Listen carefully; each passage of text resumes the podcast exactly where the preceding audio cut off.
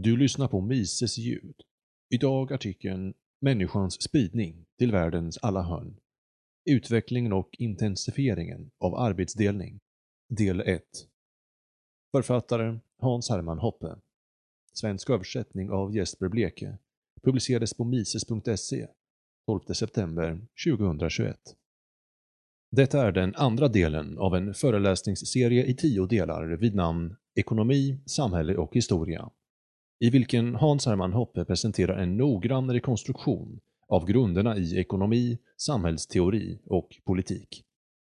Med en enorm bredd och övertygande argument utgör denna föreläsningsserie grunden för en storslagen avhandling i den messiansk-rothbardianska traditionen. I denna föreläsning vill jag vända blicken mot människans spridning till världens alla hörn samt utvecklingen och intensifieringen av arbetsdelningen. Homo sapiens, människan som vi känner den, som har ungefär samma storlek på kranium som vi, uppskattas vara ungefär 500 000 år gammal. Den utvecklade sitt nuvarande utseende för ungefär 100 000 år sedan. Och som jag nämnde i föregående föreläsning utvecklades språket för ungefär 150 50 000 år sedan. De flesta forskare stödjer teorin om att människan började i Afrika och spred sig sedan till andra delar av världen. I ett diagram taget ur Kavilla Svorsas bok får vi några ungefärliga tal. Han uppskattar att människor började lämna Afrika från 60 till 70 000 år sedan, upp till 100 000 år sedan. Och att de första människorna att lämna begav sig till Asien. De äldsta benresterna vi har hittat i Kina är daterade till cirka 60 70 000 år sedan. Från Kina begav det sig sedan till Australien för cirka 55 000 år sedan. Och restiden, som jag har mer att tillägga kring, tog ungefär 10 000 år från Afrika till Australien.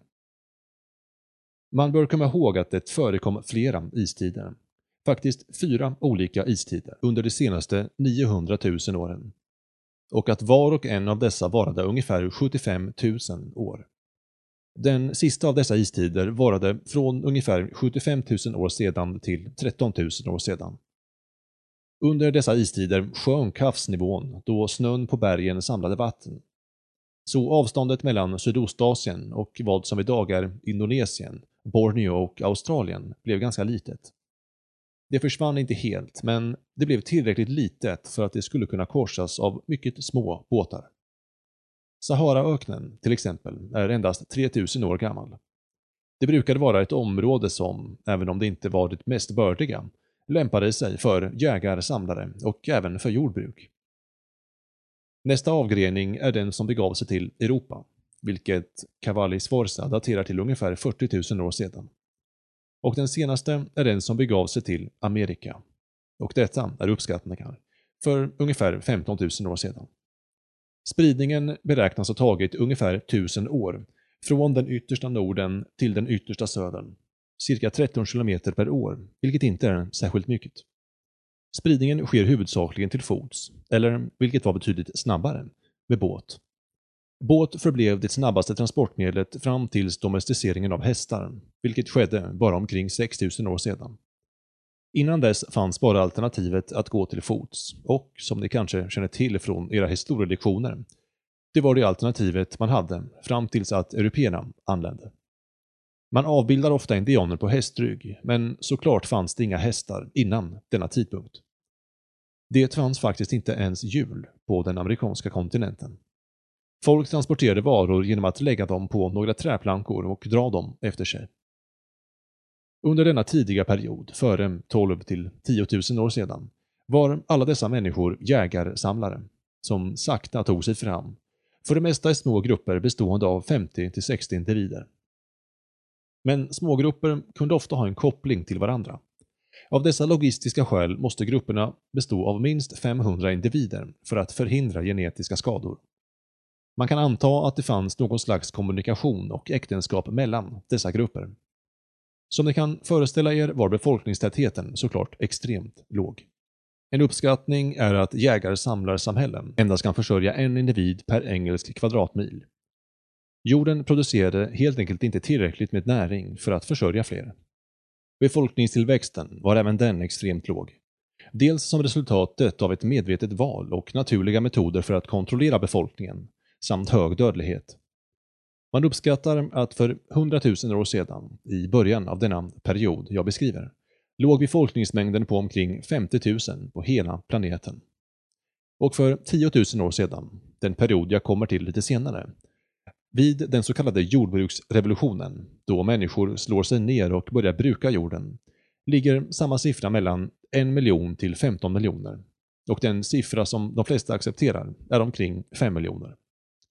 Så, mellan 100 000 år sedan och fram till för omkring 10 000 år sedan, en tidsperiod på lite drygt 90 000 år, ökade befolkningsmängden endast från 50 000 till 5 miljoner individer. Det innebär ungefär en dubblering av befolkningen var 13 000 till 14 000 år.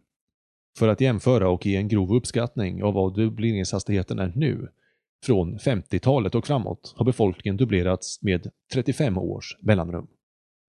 Så baserat på denna siffra kan ni se vilken otrolig liten befolkningstillväxt man hade under denna period. Motivationen till avgrening och spridning var helt enkelt att befolkningsmängden ökade och att det inte längre fanns tillräckligt att leva av och man behövde nu hitta nya platser att leva på, längre och längre bort. Och under en avsevärt lång tid, 90 000 år, förekom väldigt lite kommunikation eller sammanblandning mellan dessa grupper som brutit sig loss, vilket förklarar att väldigt många olika genetiska grupper utvecklades. En bidragande faktor var dessa istider som jag nämnde, som under tusentals år avskärmade grupper som annars inte levde särskilt långt ifrån varandra.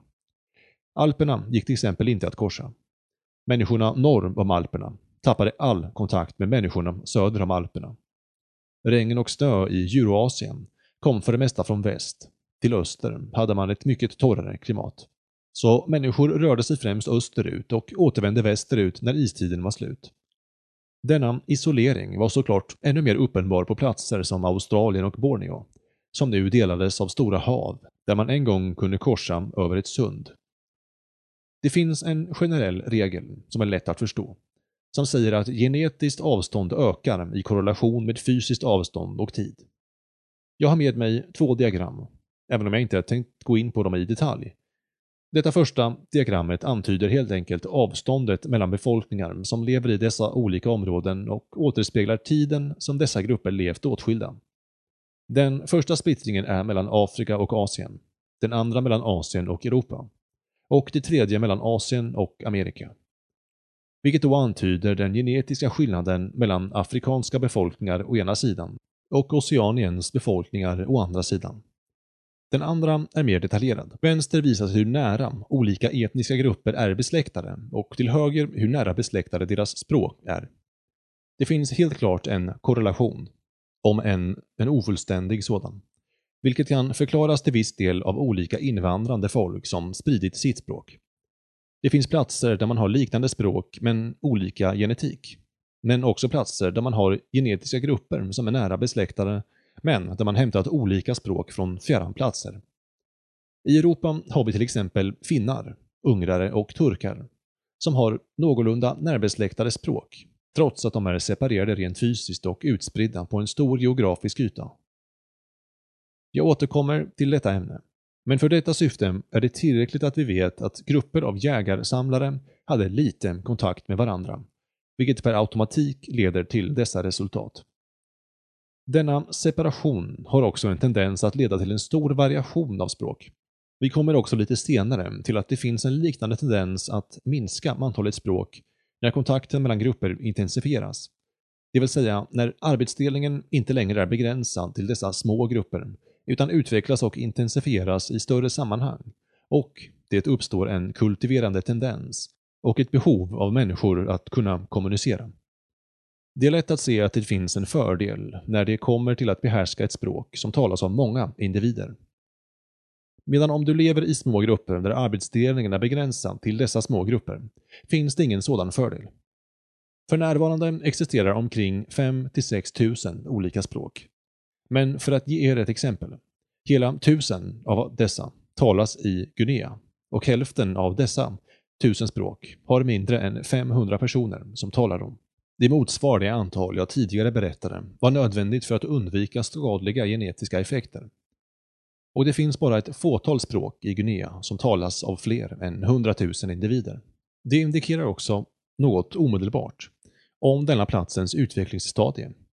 Det är uppenbarligen inte en plats på vilken arbetsdelningen är särskilt utvecklad eller intensiv. De lever fortfarande ganska isolerat och arbetsdelningen existerar bara inom dessa små stammar, utan något behov av att lära sig fler språk eller att domineras av ett och samma språk. Så i en arbetsdelning i detta stadie, en väldigt begränsad sådan, tenderar kvinnorna att vara samlare och män att vara jägare. Det finns det som gör verktyg och så vidare, men antalet verktyg som finns är också väldigt begränsat. Det finns inte några yrken, knappast någon specialiserar sig på en sak. Arbetsdelningen krymper, till och med ibland under denna period, vilket leder till en situation där människor glömmer saker som tidigare tillhört människosläktets samlade kunskap och visdom. Detta ägde rum speciellt på Nya Guinea och Australien, samt Tasmanien, där det fanns grupper som var helt isolerade från omgivningen och inte ens tillfälligt kunde komma i kontakt med kunskap som ansamlats i andra delar av världen. Australiens aboriginer använde fortfarande stenverktyg in på 1800-talet. I Tasmanien där människor var avskärmade under 10 000 år. Dessa människor måste såklart vid något tillfälle besuttit kunskapen om hur man konstruerar båtar. Men när man återupptäckte dem hade denna kunskap gått förlorad.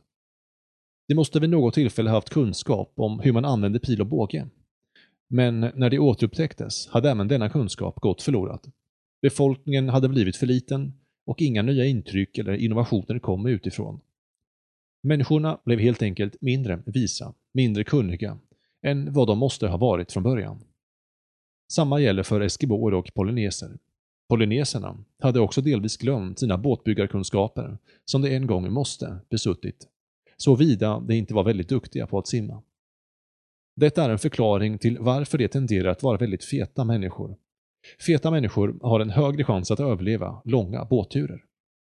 Människor som hade lagrat mycket kroppsfett hade högre chans att klara sig till en av dessa destinationer, som Fiji, vilket är anledningen till att vi fortfarande hittar enorma människor på dessa platser jämfört med andra regioner. Äntligen anländer vi till en av de stora genombrotten i människans utveckling. Fortsättning i del 2.